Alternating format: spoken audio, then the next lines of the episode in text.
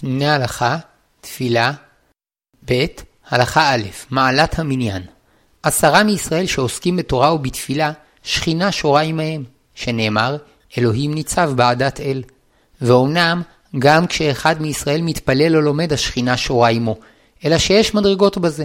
והמדרגה הגבוהה היא, כאשר עשרה מישראל עוסקים בדבר שבקדושה, שאז הקדושה מתגלה בעולם. ועל פי זה תקנו חכמים, שכל הדברים שבקדושה ייאמרו במניין של עשרה. בין הדברים שבקדושה הם חזרת השץ, ברכת כהנים, ברכו, קדיש וקריאת התורה. אמרו חכמים שהתפילה שאדם מתפלל עם הציבור מתקבלת, שנאמר, פדה ושלום נפשי מקרוב לי כי ורבים היו עמדי. וגם כשלא כיוונו כל כך בתפילתם, אין הקדוש ברוך הוא מואס בתפילתם של רבים. ואף שכל תפילה שנאמרת בעשרה חשובה יותר ומתקבלת, עיקר התפילה בציבור הוא שעשרה מישראל יתפללו ביחד תפילת שמונה עשרה. נמצא אם כן, שיש שתי מעלות במניין. האחת, במניין אפשר לומר את כל אותם דברים שבקדושה שתקנו חכמים לומר במניין. השנייה, בזכות המניין התפילה מתקבלת. כיוון שעל ידי המניין השכינה שורה, ראוי לכל אדם להשתדל להיות מהעשרה הראשונים שעל ידם השכינה שורה. ואם אינו יכול להגיע בין העשרה הראשונים לתפילת שחרית, ישתדל להיות בין העשרה הראשונים לתפילת מנחה או מעריב. תפילה, ב', הלכה ב', טעם למעלת התפילה במניין. במבט ראשון, עלול אדם לחשוב כי התפילה שיתפלל ביחידות תהיה עמוקה ומרגשת יותר, ותבטא יותר את אישיותו וצרכיו המיוחדים. אולם, כיוון שעיקר מגמתנו בעולם לקדש שם שמיים, ולקשר את כל העולם על כל מרכיביו לשורשו הרוחני, ולשם כך יש לפעול מתוך הכלל ולמען הכלל, תפילת המניין שמבטאת את תפילת הציבור חשובה יותר. וכן בנוסח התפילה אנו מבקשים בעד הכלל, רפאנו ונרפא.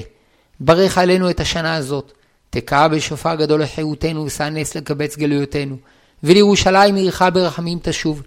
וכן כל הברכות שבתפילת שמונה עשרה. בין הגויים ישנם צדיקים גדולים, אבל הם אנשים פרטיים, שהשפעתם פרטית. ייחודו של עם ישראל, שהוא מסוגל לגלות את קדושת הכלל והציבור, ולכן עם ישראל קיבל את התורה, והוא שיכול לבנות את בית המקדש, שעל ידו מתגלה האור האלוקי בעולם. ואף עשרה מישראל שמתכנסים לדבר שבקדושה, מגלים במידה מסוימת את קדושת כלל ישראל. ומתוך כך, אם יבוא אדם שמתפלל במניין וקשור לציבור ומצטער בצערו ומבקש את טובתו וירצה להוסיף להתפלל ביחידות תפילות אישיות שיוצאות מן הלב, הרי זה משובח, הואיל וכל תפילותיו הפרטיות מקושרות לכלל. תפילה ב. הלכה ג. מהי תפילה במניין? עיקר התפילה במניין שהתפלל אדם עם עשרה יהודים תפילת שמונה עשרה, ומי שלא הספיק להתפלל עם הציבור בלחש, יצטרף בתפילתו לחזרת השץ, ואף תפילה זו תחשב לו כתפילה במניין לדעת רוב הפוסקים. גם מי שאיחר, אם יתפלל עמידה בעוד שהציבור עוסק באמירת פרקי התפילה, כדוגמת עלינו לשבח, אף שאינו נחשב כמתפלל במניין, תהיה לו בזה מעלה מסוימת, שיתפלל במקום שבו עשרה יהודים עוסקים בשירות ותשבחות. ואם הוא מתפלל עמידה של שחרית בעת שהציבור מתפלל מוסף, נחשב כמתפלל במניין. מי שאינו יכול להגיע לבית הכנסת, ישתדל לכוון את זמן תפילתו לשעה שהציבור מתפללים, ובזה ישתף עצמו במידת מה בתפילתם. ועל ידי כך תתקבל תפילתו, שהשעה שבה הציבור מתפללים היא עץ רצון. לכתחילה יכוון עצמו להתפלל עם ציבור מסוים שהוא יודע את זמן תפילתו. ואם אינו יודע זמן של ציבור מסוים, יכוון את דעתו להתפלל עם איזה מניין שיהיה, שכן מן הסתם בכל שעה שיתפלל ישנו בעולם מניין שעומד בתפילה. תפילה, ב. הלכה ד' מידת החיוב של התפילה במניין. מצווה מדברי חכמים להתפלל במניין. וחייבו אדם לטרוח וללכת למניין אפילו אם הוא רחוק מביתו כשיעור מהלך מיל, קרוב לקילומטר, שהוא כ-18 דקות. ואם הוא נמצא בדרכו, אם תוך מהלך של 72 דקות, כשיעור מהלך 4 מיל, הוא עתיד להגיע למקום שיש בו מניין, אף שתכנן לעצור למנוחה, עליו להמשיך בדרכו כדי להתפלל במניין. אבל אם מקום המניין נמצא שלא בדרכו, אזי עד שיעור מהלך 18 דקות עליו לנטות מדרכו כדי להתפלל במניין. מי שרגיל לנסוע במכונית, יש אומרים שעליו לנסוע למניין עד מרחק נסיעה האורכת 18 דקות. וכן מי שנמצא בנסיעה ויודע שתוך 72 דקות הוא עתיד להגיע למקום שיש בו מניין, עליו להמשיך לנסוע עד המניין. ויש אומרים שגם מי שרגיל לנסוע במכונית, אינו חייב לנסוע יותר ממרחק מיל. וטוב להחמיר, והרוצה להקל יש לו על מי לסמוך. הנצרך לטפל בדחיפות בשמירת עסקיו או רכושו, ואם לא יעשה כן, יפסיד ממון, רשאי להתפלל ביחיד כדי למנוע מעצמו הפסד. אבל סוחרים ובעלי מלאכה צריכים להסיק ממלאכתם כדי להתפלל במניין, למרות שבזמן הליכתם לתפילה במניין לא יוכלו להמשיך לעבוד ולהרוויח. ורק במקרה מיוחד, שאם ילך למניין ייגרם לו הפסד משמעותי או אובדן רווח גדול במיוחד, רשאי להתפלל ביחיד. הנצרך לנסוע לסידורים דחופים או לטיפול רפואי, ואם יתפלל במניין לא יספיק להגיע למחוז חפצו בזמן, כיוון שיש לו מזה הפסד, רשאי להתפלל ביחידות. תפילה ב. הלכה ה' סדרי עדיפויות ביחס לתפילה במניין. אדם שקשה לו לכוון בעת שהוא מתפלל בציבור, וביחידות הוא מצליח לכוון יותר, כל זמן שבתפילה בציבור הוא מצליח לכוון את הכוונה הבסיסית שעל ידה הוא יוצא ידי חובה, עליו להתפלל במניין. כלומר, כל זמן שהוא יכול לכוון בציבור בברכה הראשונה של 18, עליו להתפלל במניין. ראוי לציין שבדרך כלל לטווח ארוך, הקביעות שבתפילה עם הציבור מחזקת את הכוונה ואת השייכות לדברים שבקדושה. גם תלמיד חכם שתורתו אומנותו, שההליכה לבית הכנסת לתפילה במניין גורמת לו ביטול תורה, צריך להתפלל במניין. ואומנם, מעיקר הדין היה יכול להתפלל ביחיד, אולם כיוון שיש חשש שיהיו אנשים שילמדו ממנו להקל ראש בתפילה בציבור, עליו להקפיד להתפלל בציבור. ורק לעיתים נדירות, כשהוא באמצע לימוד חשוב, והליכה למניין תפגע מאוד בלימודו, רשאי להתפלל ביחידות. המלמד תורה לאחרים, ואין לו אפשרות להתפלל במניין וגם לקיים את שיעורו, מוטב שיתפלל ביחידות ולא יבטל את שיעורו, שתלמוד תורה של רבים דוחה תפילה במניין. עדיף להתפלל בציבור מאשר להשתתף בסעודת ברית מילה. אמנם במקרה שבעל השמחה עלול להיפגע אם לא יבוא, כדי למנוע פירוד לבבות ביניהם, מוטב שיתפלל ביחיד וישתתף בסעודת המצווה. מי שיש לפניו שתי אפשרויות, להתפלל ביחידות ותיקין, עם הנצח חמה, או להתפלל אחר כך במניין, עדיף שיתפלל במניין. תפילה ב' הלכה ו' מי מצטרף למניין? מניין הוא צירוף של עשרה יהודים זכרים שיש בהם דעת ואחריות להצטרף לדבר שבקדושה. אבל קטן שאין בו כל כך דעת ואחריות, אינו מצטרף למניין. ומשעה שנתחייב במצוות, בר מצווה, הרי הוא מצטרף למניין. יש מהראשונים שסוברים שבשעת הדחק תשעה מבוגרים יכולים לצרף עמהם למניין קטן שמחזיק בידו חומש. ולדעת רוב הפוסקים, גם משעת הדחק אין לצרפו למניין. וכן המנהג. ובמקום שאם לא יצרפו יתבטל המניין ועלול הדבר לגרום לחלק מחברי המניין או בניהם להתרחק מהיהדות, מצרפים אותו למניין. שוטה שאין בו דעת, כגון שפושט את בגדיו ומאבדם, אינו מצטרף למניין. ומי שלפעמים מאבד את שפיות, שפיות דעתו ולפעמים חוזר לשפיותו, בעת שהוא מאבד את שפיות דעתו אינו מצטרף למניין, וכשחוזר לשפיותו מצטרף. וכן שיכור כלות שאינו יודע מה נעשה איתו, אינו מצטרף למניין. ולכתחילה טוב שלא לצרף למניין גם שיכור שאינו יכול לדבר לפני מלך. חירש אילם, כיוון שלא היה יכול ללמוד את התורה ולהבין את מצוותיה, נפסקה הלכה שדינו כשוטה שפטור מן המצוות, וממילא אינו מצטרף למניין. בדורות האחרונים נמצאה השיטה ללמד חרשים אילמים לתקשר בשפת הסימנים ולקרוא ולכתוב, וכיוון שכיום כמעט כולם יכולים להבין את דברי התורה והמצוות, כל היודעים ללמוד חייבים במצוות ככל שאר האנשים, וממילא מצטרפים למניין. תפילה ב. הלכה ז.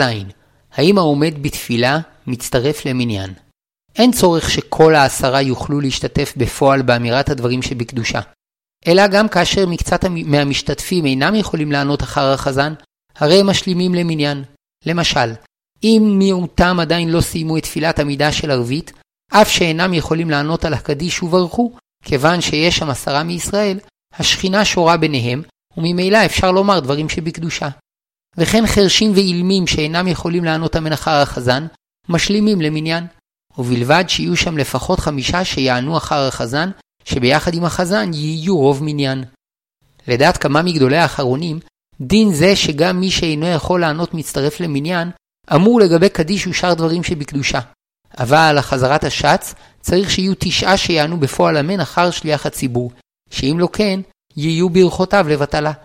אולם לדעת הרבה פוסקים, אכן לכתחילה צריך שתשעה יענו אמן אחר חזרת השץ, אבל מצד הדין, גם אלו שאינם עונים אמן, מצטרפים למניין, ולכן החזן רשאי להתחיל בחזרת השץ, גם כאשר עוד אין תשעה שסיימו את התפילה. וכן מותר לומר חזרת השץ במניין שקלי הדעת שבו רגילים לפטפט בשעת חזרת השץ, עד שיש חשש שלא יהיו תשעה שיענו אמן אחר ברכותיו, מפני שבדיעבד, גם אלו שאינם עונים מצטרפים למניין. כדי לצאת מן הספק, במקום שרבים מפטפטים ויש חשש שלא יהיו תשעה שיענו אמן אחר חזרת השץ, יתנה החזן בליבו, שאם הדין כסוברים שצריך תשעה עונים, אזי חזרת השץ שלו תהיה תפילת נדבה. וכיוון שרשאי אדם להתפלל תפילת נדבה, ממילא לכל הדעות לא יהיו ברכותיו לבטלה. תפילה ב. הלכה ח' צירוף חילוני למניין. יהודי שעבר עבירות, כגון שאכל מאכלים אסורים, או נאף, או עבר על שאר עבירות שבתורה, מצטרף למניין. כי למרות שחטא, בפנימיותו הוא ודאי רוצה להיות שותף למגמות הקדושות של עם ישראל. או כפי שאמרו חכמים, ישראל אף על פי שחטא, ישראל הוא. אבל החוטא להכעיס, כיוון שהראה בעצמו שאינו שייך לתורה ולישראל, אינו מצטרף למניין. לדעת כמה פוסקים, מחלל שבת בפרהסיה, אפילו אם עושה זאת להנאתו, הרי הוא כעובד עבודה זרה, ואינו מצטרף למניין. אבל בדורות האחרונים, הורו למעשה כמה מגדולי הפוסקים, שאם מחלל השבת רוצה להצטרף למניין, מצרפים אותו, וזאת משום שכיום מעמד מחלל השבת שונה. בעבר, כשכל ישראל שמרו את השבת, כל מי שהעז לחללה בפרהסיה, אפילו אם עשה זאת לשם הנאתו, התריס בזה התרסה נוראה כנגד כלל ישראל, ולכן החשיבו כעובר עבירות להכעיס שהוציא את עצמו מן הכלל. אבל בדורות האחרונים, שלדאבון ליבנו שמירת השבת נפרצה אצל רבים מישראל, אין השבת מדד למידת הזדהותו של היהודי עם מורשתו, ולכן אם הוא עצמו רוצה להצטרף למניין, אפשר לצרפו, אבל אין ראוי למנותו חזן. תפילה ב. הלכה ט' כיצד מצטרפים למניין. כפי שלמדנו, מניין הוא צירוף של עשרה יהודים זכרים שיש בהם דעת, וכדי שיצטרפו, עליהם לשהות במקום אחד. אבל אם תשעה בבית הכנסת ואחד מחוץ לבית הכנסת, או בחדר הסמוך לבית הכנסת, אינם מצטרפים למניין. ואם זה שמחוץ לבית הכנסת עומד ליד החלון או ליד הדלת, ומראה להם את פניו, לדעת רוב הפוסקים מצטרף למניין, מפני שקשר העין שביניהם מצרפם, ואין צריך שכולם יראוהו, אלא די שמקצתם יוכלו לראותו.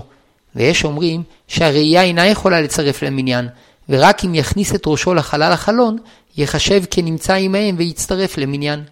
לכתחילה יש להחמיר, ובשעת הדחק, כשאינו יכול להיכנס פנימה, אפשר לסמוך על דעת רוב הפוסקים שמקילים לצרפו כשמראה להם את פניו. מי שנמצא בחדר הטפל לבית הכנסת, ואינו מראה את פניו למתפללים, אף שאינו משלים למניין, אם כבר יש מניין בלעדיו, כשהוא מתפלל עמהם הוא נחשב כמתפלל במניין. עשרה שעומדים בשדה, כל זמן שהם רואים ושומעים זה את זה, מצטרפים למניין. כשיש מניין של עשרה בתוך בית הכנסת, כל השומע את החזן יכול לענות אחריו. למשל, חולה השוכב בביתו ושומע את תפילת הציבור, אף על פי שאינו נחשב כמתפלל במניין, יכול לענות אחר החזן אמן, שאפילו מחיצה של ברזל אינה מפסיקה בין אחד מישראל לבין השכינה השורה עם המניין. וכן, אם ישמע מבית הכנסת תקיעת שופר או קריאת מגילה, יכול לכוון דעתו ולקיים המצווה בשמיעתו. השומע חזן בשידור חי יכול לענות אחריו אמן, אבל אינו יכול לצאת באופן זה ידי חובת התפילה או קריאת המגילה וכל כזה בזה, מפני שאינו שומע את כל החזן עצמו. נמצא אם כן שישנן ארבע מדרגות בהצטרפות לדברים שבקדושה. א', כאשר נמצא עמהם באותו מקום, או שמראה להם את פניו, לרוב הפוסקים, משלים למניין. ב', הנמצא בחדר הטפל לבית הכנסת ואינו מראה את פניו למתפללים, אינו משלים למניין, אבל אם יש מניין בלעדיו, הרי הוא נחשב כמתפלל במניין. ג. הנמצא בחדר אחר או מחוץ לבית הכנסת, אינו נחשב כמתפלל במניין, אבל יכול לצאת ידי חובתו בשמיעת החזן. ד. השומע את החזן בשידור חי, יכול לענות אמן אחריו, אבל אינו יכול לצאת בשמיעתו ידי חובה. תפילה ב. הלכה י' מניין שנתמעט התחילו לומר קדיש במניין ויצאו חלקם, אם נותר שם רוב מניין, כלומר לפחות שישה יחד עם החזן, מסיימים את הקדיש. וכן הדין בכל דבר שצריכים לאומרו במניין, שאם התחילו לאומרו בעשרה ונותר שם רוב מניין, מסיימים את הדבר שהתחילו בו, אבל אין מתחילים דבר חדש. ואסור לצאת ולפרק את המניין באמצע אמירת דבר שבקדושה, אבל מותר לצאת בשעת הצורך לפני שמתחילים את החלק הבא. התחילו חזרת השץ במניין ויצאו חלקם, אם נותר שם רוב מניין, אומרים קדושה ומסיימים את כל חזרת השץ, אבל אין אומרים ברכת כהנים, מפני שהיא מצווה בפני עצמה. לגבי קדיש תתקבל שלאחר התפילה נחלקו. למנהג ספרד אין אומרים, הואיל והקדיש עומד בפני עצמו, ולמנהג אשכנז, כיוון שמבקשים בו על התפילה שתתקבל, הוא נחשב כסיום התפילה. לפיכך בשחרית ומנחה, אם היו עשרה בתחילת חזרת השץ, יאמרו קדיש תתקבל. ובשחרית, יאמרו גם חצי קדיש שלפני אשרי. ובערבית, אם היה מניין בתחילת התפילה בלחש, יאמרו קדיש תתקבל.